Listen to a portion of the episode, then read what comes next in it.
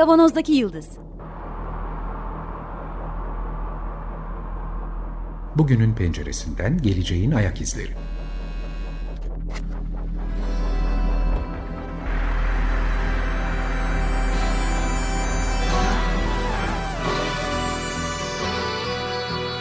Hazırlayan ve sunanlar İsmail Başöz, Haluk Levent, Mustafa Yılmazer ve Fethiye Erbil. Zorlu Holding Sürdürülebilirlik Platformu Akıllı Hayat 2030, herkes için daha yaşanabilir bir dünya diler. Merhabalar, 94.9 Açık Radyo'dayız. Kavanoz'daki Yıldız programında sizlerle beraberiz. Yine geleceğin ayak izlerini sürmeye devam ediyoruz. Bu hafta geçtiğimiz haftaki konuğumuzla beraber sevgili Güçlü Akyürek'le hoş geldin. Hoş bulduk.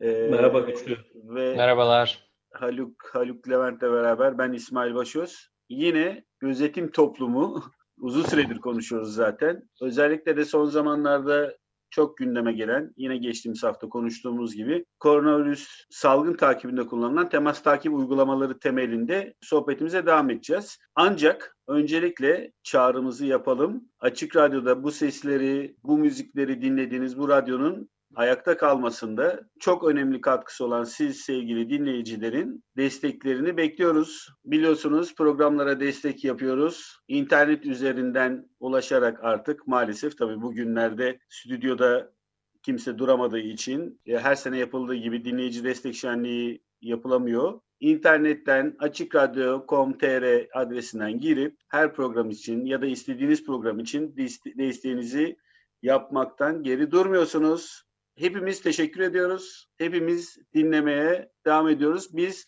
25 yıl önce başlayan bu radyo yayınlarının dinleyicisiyken şimdi programcısı haline geldik. Böyle sürüyor bu iş. Sizlerden de e, bu yollarda, bu yolda hem maddi desteğinizi hem de belki de bir gün program yapmanızı e, rica ediyoruz. E, tekrar konumuza dönelim. Koronavirüs günlerinde temas, e, bulaşıcı teması takip eden uygulamaları ve onun üzerindeki kişisel hakların korunması ve bunun hukuk boyutu üzerinden asıl olarak bu tabii güçlüyle güçlünün yanımızda olmasının sebebi hukuk boyutu üzerinden konuşmaya devam ediyor olmak. Güçlü şu anda e, MEF Üniversitesi'nde hukuk fakültesinde öğretim üyesi aslında ceza hukuku öğretim üyesi ancak kendisinin doktora çalışmaları ve diğer akademik çalışmaların bir kısmı kişisel hakların korunması üzerine. Doğru mu söyledim? Evet, doğru, doğru. Peki.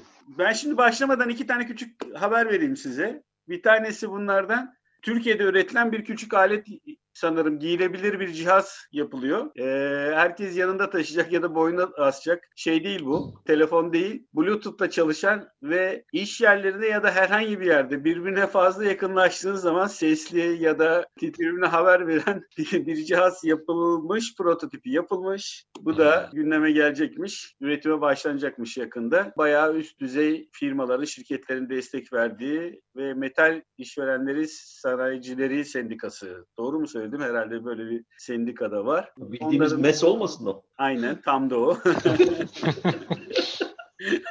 evet, e, onların e, himayesinde yapılan birçok diğer çalışmalardan bizi ilgilendiren kısmı buymuş. Giyilebilir bir cihaz. Bir buçuk metreye yakına gelince e, bip yapıyormuş. Herhalde detaylarını çok açıklamamışlar. Bluetooth'ta çalışan bir cihaz prototipi yapılmış üretime geçmeyi planlıyorlar. Bunu da arada haber olarak verelim. Güzelmiş. Haluk Buyurun.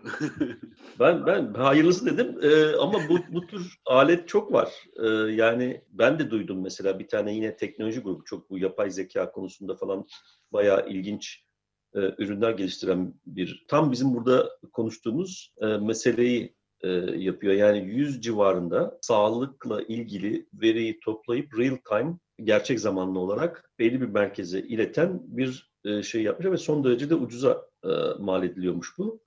Bunlarla ee, ilgili bunlarla ilgili sözünü kesme pahasına giriyorum. Önümüzdeki hafta bir toparlama yapma niyetindeyim zaten ben de. Beraber bu korona ile gelişen teknolojik gelişmeleri ayrıca bir program yapalım. Yapalım. Ayrıca bir de bunun böyle küçük çaplı şeylerini biliyorum. Mesela e, depolarda falan e, forkliftle insanlar arasında çarpışmaya bağlı çok kaza oluyordu ya. Yine bildiğim e, bir grup arkadaşın bir şirket için geliştirdikleri bir şey var. O da böyle işte iki buçuk üç metre mesafeyle iki tane şey E, beacon birbirini gördüğü zaman ışık yanıyor, bilmem ne oluyor, ses çıkıyor, zıt zıt zıt falan titreşiyor bir şeyler bir şeyler yapıyordu. Yani bu aslında çoktan beridir dar, sınırlı bir kapsamda kullanılan bir teknoloji. Çok harcaylen bir iş yani. MES girdiyse araya tabii başka Bu, bir şey olur. bu bizim e, yerli ve milli büyük yatırımımız lütfen. E, Beacon Çin'den geliyor canım. Onu henüz burada üretemiyoruz. Ciddi mi söylüyorsun? Yapma ya. ne olursa olsun. Peki. Yani dolayısıyla orada yerli milli bilgi iletiminin ucu nerede bitiyordur? Arada hortum var mıdır? Çipin e, nereye bağlandığından herkes emin midir? Onu bilemeyeceğim. Olsun. Çip nereden gelirse gelsin. Cihaz bizim. Hadi Cihaz bizim. lütfen. Ee, peki yurt dışındaki örnekleri programa başlamadan önce Güçlü'yle konuşmuştuk. Yurt dışındaki Evet. Uygulamalardan bahsedecektik bugün. Ee, temas Evet. takip ve kişisel verilerin korunması hakkında. E, şimdi şöyle bir durum var tabii. Burada aslında iki şeye dikkat çekmek lazım. Bir e, ülkelerdeki yapılar çok parçalı, çok birbirinden çok farklı. Hatta Avrupa Birliği içinde bile birçok ülkede farklı farklı uygulamalar var. Birkaç örnek vereceğim zaten. Hatta Avrupa Birliği'nin kendisi diyor ki yani bu kadar farklı olmasın. En azından Avrupa Birliği içerisinde tek tip bir sistem uygulayabilelim gibi bir önerisi de var, isteği de var Avrupa Birliği'nin ama şu ana kadar öyle bir şey olabilmiş değil. Bir de tabii şunu da yeri gelmişken söylemek lazım. Bu çok klasik bir ikilemdir ama elbette teknoloji hukuktan her zaman çok daha hızlı gelişiyor. Çok daha hızlı ilerliyor. Yani teknolojik bir gelişim yapılıyor. E, Bir şey keşfediliyor. Bu direkt hayatımıza giriyor artık uygulanmaya başlıyor. Bunun hukuki altyapısı nasıl olacağı ister istemez arkadan geliyor. Biz de şu anda aslında bunun sıkıntısını çekiyoruz. Bu tip takiplerde teknoloji ciddi anlamda kullanılıyor. Hatta yapay zekanın kullanıldığı örnekler de var. Onları da söyleyeceğim. Ama bunların hukuki altyapısı maalesef arkadan gelmek zorunda kalıyor. Teknoloji kadar hızlı gelişemiyor hukuk. Ee, mesela Güney Kore'de insanları hem telefondan, taşınabilir telefonlardan hem de kredi kartları üzerinden takip edebiliyorlar. Bu Covid-19 pozitif olan insanları ve kolaylıkla erişim sağlayıp görebileceğiniz haritalar yaratıyorlar. Yani Güney Kore'nin neresinde, hangi mahallesinde, hangi şehrinde Covid-19 pozitif insanlar var bunu görebiliyorsunuz haritalarda. Ee, ama bunun mesela şöyle iki tane sorunu olmuş. Çok ilginç gerçekten. Bir tanesi e, bir kadın e, Covid-19 pozitif olan bir kadın bundan şikayet etmiş. Çünkü diyor ki ben eşcinsel bir insanım, eşcinsel barına gidiyorum. E, şimdi beni böyle takip ederseniz ben oraya gidemem. Yani kayıt altına alınıyorum çünkü. Bu beni çok rahatsız ediyor diye bir şikayeti var ki bu aslında geçen hafta bahsettiğimiz konu. Evet. Özel hayatımıza doğrudan bir müdahale var. İkincisi aslında hiç düşünmemiştim ama oluyor işte insan gerçekten ilginç bir canlı. Bir başka Covid-19 pozitif olan insan da Güney Kore'de barları, restoranları tehdit etmiş. Demiş ki bana şu kadar para vermezseniz sürekli sizin barınıza, restoranınıza gelirim. Covid-19 pozitif gözükürsünüz. Yani mesela bu da inanılmaz bir şey. Yani ben hakikaten bunu hiç düşünmemiştim. Okuyunca çok şaşırdım. Ama düşündüğünüzde mümkün. Yani Ya, ne tehdit kadar ediyor farklı çünkü- boyutları var gerçekten. aynen yani. öyle. Aynen öyle. Çünkü Her yerde Covid- eylem, her yerde direniş yani. Aynen öyle. Yani Covid-19 pozitif gözüküyor bu sefer sizin restoranınız. Orada Covid-19 pozitif birisi gözüküyor. Dolayısıyla e, ben olsam gitmem o restorana yani. O kişi de oradan o şekilde para almak istemiş. Yani böyle bir böyle bir tarafı da var. Hani bunu da düşün bunu da düşünülmesi lazım. Çok ilginç İşin- gerçekten. İşin diğer İşte tarafı. ben burada bir saplama yapabilir miyim? Şu mahremiyetin tanımı üzerine. Çünkü genellikle şöyle bir e, kan- kanı var. E, mahremiyet dediğin aman ne var canım ben yasa dışı bir şey yapmıyorum. e, öyle de yapmıyorum, böyle de yapmıyorum. Dolayısıyla Maalesef. her maalesef. şeyim açık olsun gibi bireysel bir karara bırakılamayacak kadar önemli bir şey. Evet. Bunu söyleyen bir röportajında Shoshana Zuboff, yeni son dönemde hayranlığımıza kazanmış bir akademisyen, e- emekli akademisyen. Onu da şuna bağlıyor. Yani sonuç itibariyle tam da bu senin ilk verdiğin örnekte olduğu gibi. Yani eğer bir insan sonuçta e, bir şekilde izlendiğini bilirse ister istemez bilinçli ya da bilinçaltından gelen dürtülerle de olsa e, kendisini sakınacaktır. Muhakkak koruyacaktır. Çünkü sonuçta e, gözetlendiğini bildiğim bir yerde üstünü çıkartmaya bile insan şey olur değil mi? Çekinir bilmem ne falan filan. E burada da sonuç itibariyle şey yapıyor. O yüzden de bunun genel bir norm olarak tasarlanması acilen gerekiyor. Hukuka burada işte zaten şey yapıyor ve bu tasarlama gerçekleştirilirken de e, e ne var canım falan gibi e, yapılan propagandaların e, ya da işte tehditlerin yani yoksa senin saklayacak bir şeyin mi var? Niye sakla biz şeyi mahremiyeti bu kadar önemsiyorsun? Sorularına muhatap kılınmaması gerekiyor insanların. Dolayısıyla bunun içinde bu tanımı bir bireysel karar üzerine oturtmamak gerekir diyelim. Onu da altını çizelim.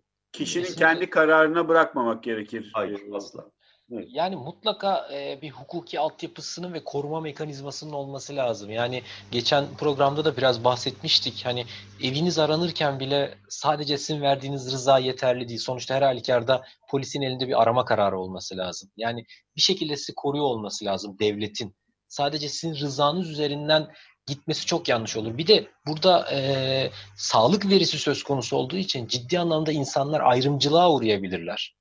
Hani evet. bu verdiğimiz örneklerde de olduğu gibi çok ciddi ayrımcılıklar söz konusu olabilir. İşte bu Güney Kore'deki kadın gibi e, eşcinsel olması nedeniyle de ayrımcılığa uğraması söz konusu olabilir. E, cinsel sebeplerle ayrımcılığa uğraması söz konusu olabilir. Özellikle bu tip veriler son derece hassas verilerdir. Yani bunları ekstra hatta bir sistemle korumanız lazım. Hani ben verdim ne olacak? Ayıp bir şey yapmıyorum demek bu anlamda gerçekten yeterli değil. Çünkü o kişilerin çok ciddi anlamda ayrımcılıkla e, karşılaşmaları ve belli şekillerde davranmaktan kaçınmak zorunda hissetmeleri söz konusu olabilir ki bu da ancak hukuki yolla çözülebilecek sorunlar için açıkçası.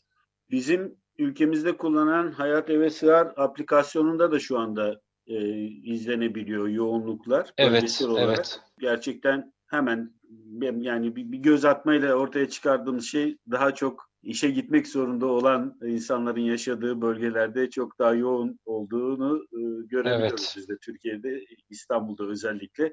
Evet. Bunu da hemen belirtelim ve diğer ülkelerden sohbete devam edelim. Tabii e, mesela bu anlamda Tayvan örneği Türkiye'ye benziyor. E, çünkü Tayvan'da evde kalması gereken, karantina kapsamında evde kalması gereken kişileri e, taşınabilir telefon üzerinden izliyor ve o kişi evi terk ederse e, hemen kolluğa haber veriliyor ve kolluk o kişiyi gelip uyarıyor evine gitmesi için. Bu anlamda bizimkine benzer bir sistem. E, mesela İsrail'de var. E, kişiler taşınabilir telefon üzerinden yine izleniyorlar ama mesela İsrail'de şöyle bir düzenleme getirmişler. Diyorlar ki veriler 30 gün sonra imha edilecek diyorlar. Mesela bunu geçen hafta biraz konuşmuştuk. O verilerin ne zaman imha edileceğinin belli olması lazım. Mesela İsrail bunu yapmış. Ee, 30 Bu gün kanunu içerisinde... çıkarmış. Evet evet yani 30 gün Çok içerisinde. Çok güvenilir bir Ha, yani yapmış Tabii. derken 30 gün sonra iptal etmiş mi? Değil. Kanunu çıkarmıştı. Yok kanunu çıkartmış. Kanunu çıkartmış. 30 gün sonra e, evet. silinecek veriler diyor. Silinmesi gerekiyor. Gerekiyor evet tabii yani bunun en azından bir cezai sorumluluk tanımlanmış peki. Evet evet yani tabii bu ne kadar uygulanır o ayrı bir şey yani e, onda ayrı güvenceleri gerekiyor tabii. Mesela bir başka örnek Singapur. Singapur diyor ki ben sadece hastalarla yakın temas kuran kişileri belirliyorum ve hiçbir veriyi kaydetmiyorum, toplamıyorum diyor. Bu konuda biz program yapmıştık. Daha önceki evet. programlarımızı dinleyen arkadaşlar e, aşinadır. Bizim bir yakın arkadaşımız orada, o kendisi hı hı. bilgi verdi Elif. Dedi ki biz kişisel bilgi girmiyoruz bu evet. aplikasyona. Bir de hemen oradayken e, yine aklıma gelmişken mesela evden ayrıldı deyip kolluk gücünün gelmesi olayında kontrol etme mekanizmasında görüntülü arama kullanıyormuş Singapur evet, aynı zamanda. Evet. evet görüntülü yani arama tam, da var. Tam böyle şey olsun diye ne diyeyim kesin garantili bir tespit olsun diye görüntülü aramada kullanıyorlarmış. Tabii tabii tabii. Aynen öyle. Yani yüz tanıma programı da kullanıyorlar demek. Tabii mesela tabii. Çin kullanıyor bunu. Mesela ondan da söz edeceğim. Çin direkt e, işin içine yapay zekayı sokmuş e, yüz tanıma programıyla takip ediyor. Hatta Polonya'da da benzer bir sistem var. E, dolayısıyla COVID-19 pozitif olan bir insan özellikle halka açık yerlere gittiği zaman yüz tanıma programından tespit edilip hemen bir uygulamaya geçilebiliyor diyeyim. E, mesela Çin'de de böyle bir şey yapmışlar. Polonya'da bir... mı dedin? Evet Çin ve Polonya. Çin'de çok daha geniş bir şekilde kullanılıyor tabii. Ee, uzun zamandır kullanılıyor. Yani bu işin başından beri kullanılıyor neredeyse. Çin'in yeni yapılan ee, telefonların hepsinde yüz tanıma özelliğinin olması zorunlu. Evet. Yeni üretilen bütün telefonlarında yüz tanıma özelliği olması zorunlu devlet kararıydı. Doğrudur. Yani bir dönem şu da şunu tavsiye eden kişiler de vardı mesela hala da vardır büyük ihtimalle. Doğar doğmaz e, bir çocuğun hemen DNA'sını alalım, DNA'sını ortaya çıkartalım ve onu hemen kaydedelim. Böylece herkesin genetik verileri devletin elinde olsun. Dolayısıyla yarın öbür gün örneğin bir suç işlendiğinde birini aradığımızda kim olduğunu hemen bulabiliriz diye bir görüşte var mesela. Buna Nerede bu? Yani yani genel olarak önerilen genel bir görüş. Herhangi bir ülkede yok çok şükür. Henüz yok ama e, bunu öneren kişiler var. Yani doğar doğmaz çocuğun aklıma, DNA'sını alalım. Dolayısıyla ak, devam edip gidelim yani. Aklıma gelen ünlü tiyatrodan aparılan söz vardır. Hani Çehov'un oyunlarında oyunun başında silah göründüyse Evet. o mutlaka patlar diye. Patlar. Aynen öyle. Aynen öyle yani. evet bu gündeme Aynen. geldiyse bunu durdurmak da zor olacak gerçekten. Evet yani u- bayağı zamandır yani konuşuluyor. Benim e, bazı ulaştığım kaynaklarda da eserlerde de bundan bahsediliyordu böyle görüşler olduğundan. Bu konuda Avrupa ülkeleri biraz daha çekingen davranıyorlar. Yani kişisel verileri korumak açısından daha e, dikkatli davranıyorlar. Mesela e, Almanya, Avusturya, İngiltere gibi ülkelerde telekom şirketlerinden e, anonimleştirilmiş veri toplanıyor. Yani devlet evet veri topluyor ama bu veriler anonimleştirilmiş. Yani kime ait olduğu, isme isimlerinin ne olduğu belli olmadan veriler toplanarak gitmeye çalışıyorlar.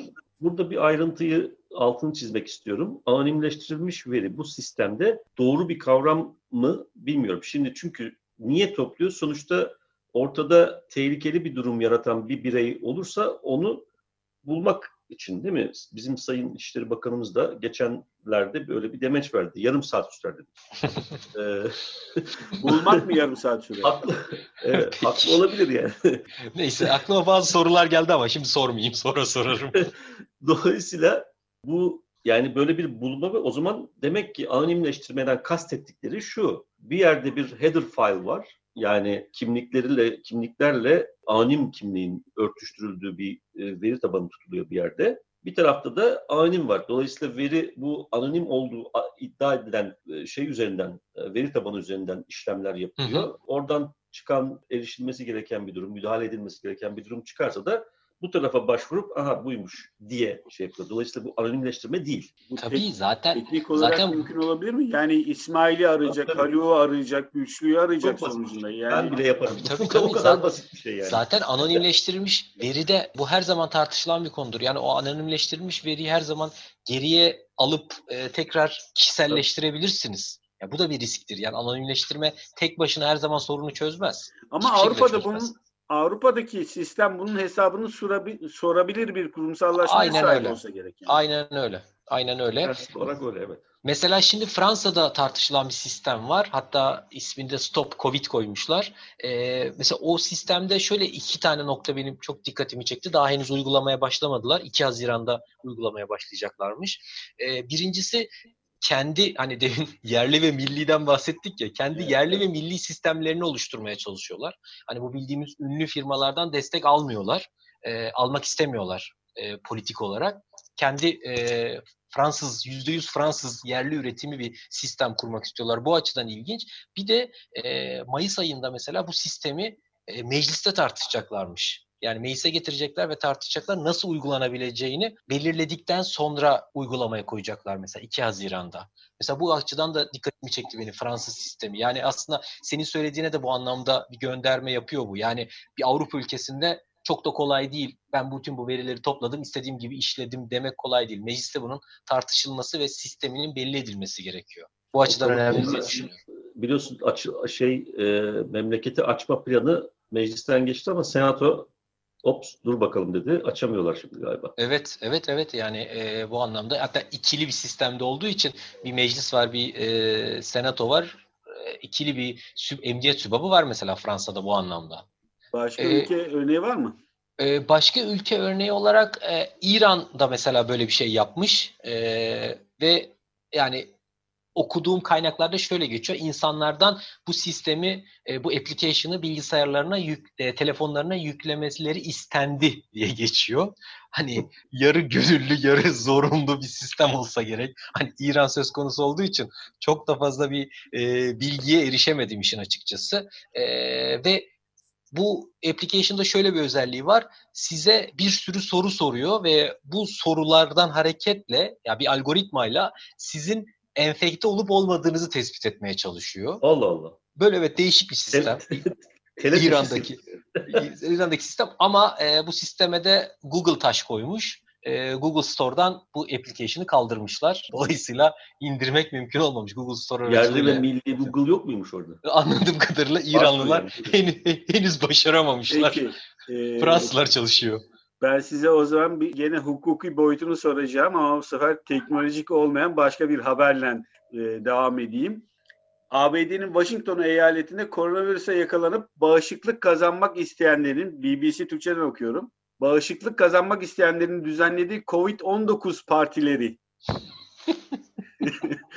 Covid-19 partilerine yetkililerden uyarı geldi diyor BBC haberinde. Yapmayın, sağlığınızı tehlikeye sokuyorsunuz lütfen demişler. Gerçekten Güzel. bu şekilde söylemişler. Yani bu tehlikeli ve insanları hast insanları hastanelik etme ve hatta öldürme riski taşıyor demiş bir yetkili. Covid-19'u atlatanların uzun vadeli korumaya sahip olup olmadıkları belli değil. Bu virüsle ilgili bilmediğimiz daha çok şey var diye ikna etmeye çalışmışlar. Yapılan şu, Covid-19 olup pozitif olan insanlarla olmayanlar bir araya gelip parti Oo. yapıyorlarmış. Ee, o da güzelmiş. Bir aşılanma merasimi gibi geldi bana. Yani şey sürü bağışıklığını herhalde biraz mikro düzeyde sağlamaya çalışıyorlar. Bir ara çok tartışılıyordu. evet. Peki ben burada şeyi merak ediyorum. Yani benim ilgimi çeken hukuk boyutu oldu. Gerçekten engelleyemezler herhalde. Engelleyemiyorlar mı acaba? Yani bu kanunla engellenebilir mi? Nasıl bir şey olur? Yani, yani bizim sistemimize bakarsanız veya en azından Avrupa'daki sistem, bizim de dahil olduğumuz Avrupa'daki sisteme bakarsanız evet engellenebilir. Ama Amerika biraz daha farklı. Yani e, o yüzden Amerika'da böyle şeyler yapılabiliyor. E, hani hem eyaletten eyalete sistem değişiyor. 50 farklı sistem var Amerika'da. Hem de federal e, düzeyde çok farklı. Yani bireysel özgürlükler dediğimiz alan, kişisel özgürlükler Amerika'da birçok alanda, her alanda değilse bile birçok alanda çok daha geniş. Hani devletin belli şeyleri yapmayı, yapmamayı vatandaşa dayatma yetkisi Amerika'da birçok alanda, her alanda değil ama birçok alanda daha kısıtlı olduğu için kuvvetle muhtemeldir ki Amerika'da böyle bir şey yapamıyorlar. E, hatta Amerika'da birçok eyalette bu kapanmaya karşı, ya alınan önlemlere karşı gösteriler yapılıyor. Yüzlerce, binlerce insan bir araya geliyor. Hatta bana göre bana çok fantastik geldi. Şöyle bir örnek vereyim e, geçtiğimiz günlerde yanılmıyorsam Michigan'da e, valiliği bastı yüzlerce kişi ve bunlar silahlı insanlardı. Hani çünkü evet. Amerika'da silah taşımak anayasal bir hak. Dolayısıyla evet. hiç bu şaşırtıcı bir şey değil. Ve bu silahlı insanlar valiliği bastılar. Artık bu kararları kaldırın. Biz sokakta rahat dolaşmak istiyoruz diye. Yani herhangi bir Avrupa ülkesinde veya Türkiye'de düşünemeyeceğimiz hani romanda bile olmayacak bir olay Amerika'da çok rahat bir şekilde oldu. Dolayısıyla oradaki sistem biraz daha farklı. Kuvvetle muhtemel polisin bu şekilde davranma yetkisi yok. Yani engelleyemiyor. Yani, Ancak böyle bir parti böyle bir parti ben, silahla polisi basmasını beklerdik. ben onu onu veteranlar yapıyor zaman zaman biliyorsun. Şeyde bu Kızılderililerle ilgili polisler şey yaptığında yine Vietnam gazileri e, biz burada 300 kişiyiz ama polis de şunu çok iyi biliyor ki silahlarımız gayet iyi, kuvvetli. Hepimiz ölürüz büyük ihtimalle tabii. Daha yalnız başımıza ölmeyiz dediler. Yalnız başımıza ölmeyiz. evet, doğru. olay durdu. Yani o boru hattını açamadılar o yüzden. Ama şöyle bir şey de var. Amerika'da bir de kurumsal özellik var. Ee, mesela Utah'ta çok büyük bir depolama merkezi kurulduğunu ama inanılmaz büyük bir depolama merkezi kurulduğunu ve burada bütün dünyayı kayıt altına aldı. söylüyoruz. Dolayısıyla zaten orada herhangi bir yasal düzenleme ihtiyacı içinde değiller. Kurumsal özellik sahibi kuruluşlar, NSA gibi falan mesela. Yani Amerika'da ama kişisel veri konusu e, Avrupa'ya göre çok daha gevşektir. Yani e, tabii, tabii. çok daha az korunur.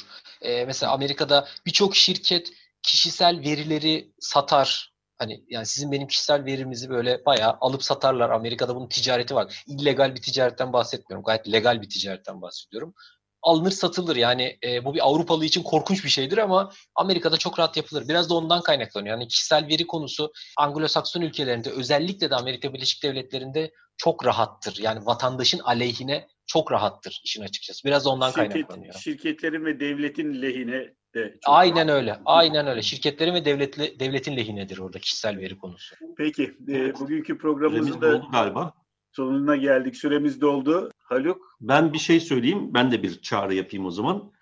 Ee, yani bu gerçek ötesi toplumların konuşulduğu bir şeyde özellikle gerçeğe ilişkin sağlıklı bilgi edinmek çok önem taşıyor. Bu kapsamda da Açık Radyo'nun e, Türkiye için önemli bir işlevi olduğunu düşünüyorum ve e, ben de bir kez daha bütün dinleyicilerimize e, çağrı yaparak destek vermelerini e, gerek işte e, sırf dinleyici olarak değil hem e, bu işin e, devam etmesi için gerekli mali kaynakları yaratmak bakımından bir topluluk radyosu olarak e, bu e, açık radyonun hayatına devam etmesini sağlamak, buna katkıda bulunmaktan e, bahsediyorum. Hem de senin söylediğin gibi eğer söyleyecek bir sözleri varsa ki muhakkak vardır, bunu düzenli, belli sürelerle e, burada program yaparak e, söylemeleri ne istiyorum yani bunu çok önemsediğim evet. için. Açıkradyo.com.tr'den tıklayıp program desteklerini sunabilirler dinleyicilerimiz. Çok teşekkür ediyoruz. Süremizi bayağı açtık. Ee, bütün çalışan arkadaşlara özellikle çok teşekkür ediyoruz. Güçlü konuğumuz olduğunu iki haftadır çok çok teşekkürler. Güçlü ben teşekkür ederim. beraberdi. Hukuku konuştuk. Önümüzdeki hafta görüşmek üzere. Herkese sağlıklı günler diliyoruz. İyi günler, hoşçakalın. İyi günler.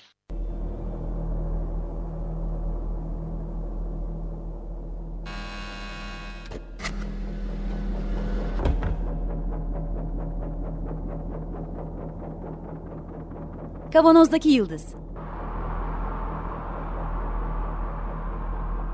Bugünün penceresinden geleceğin ayak izleri.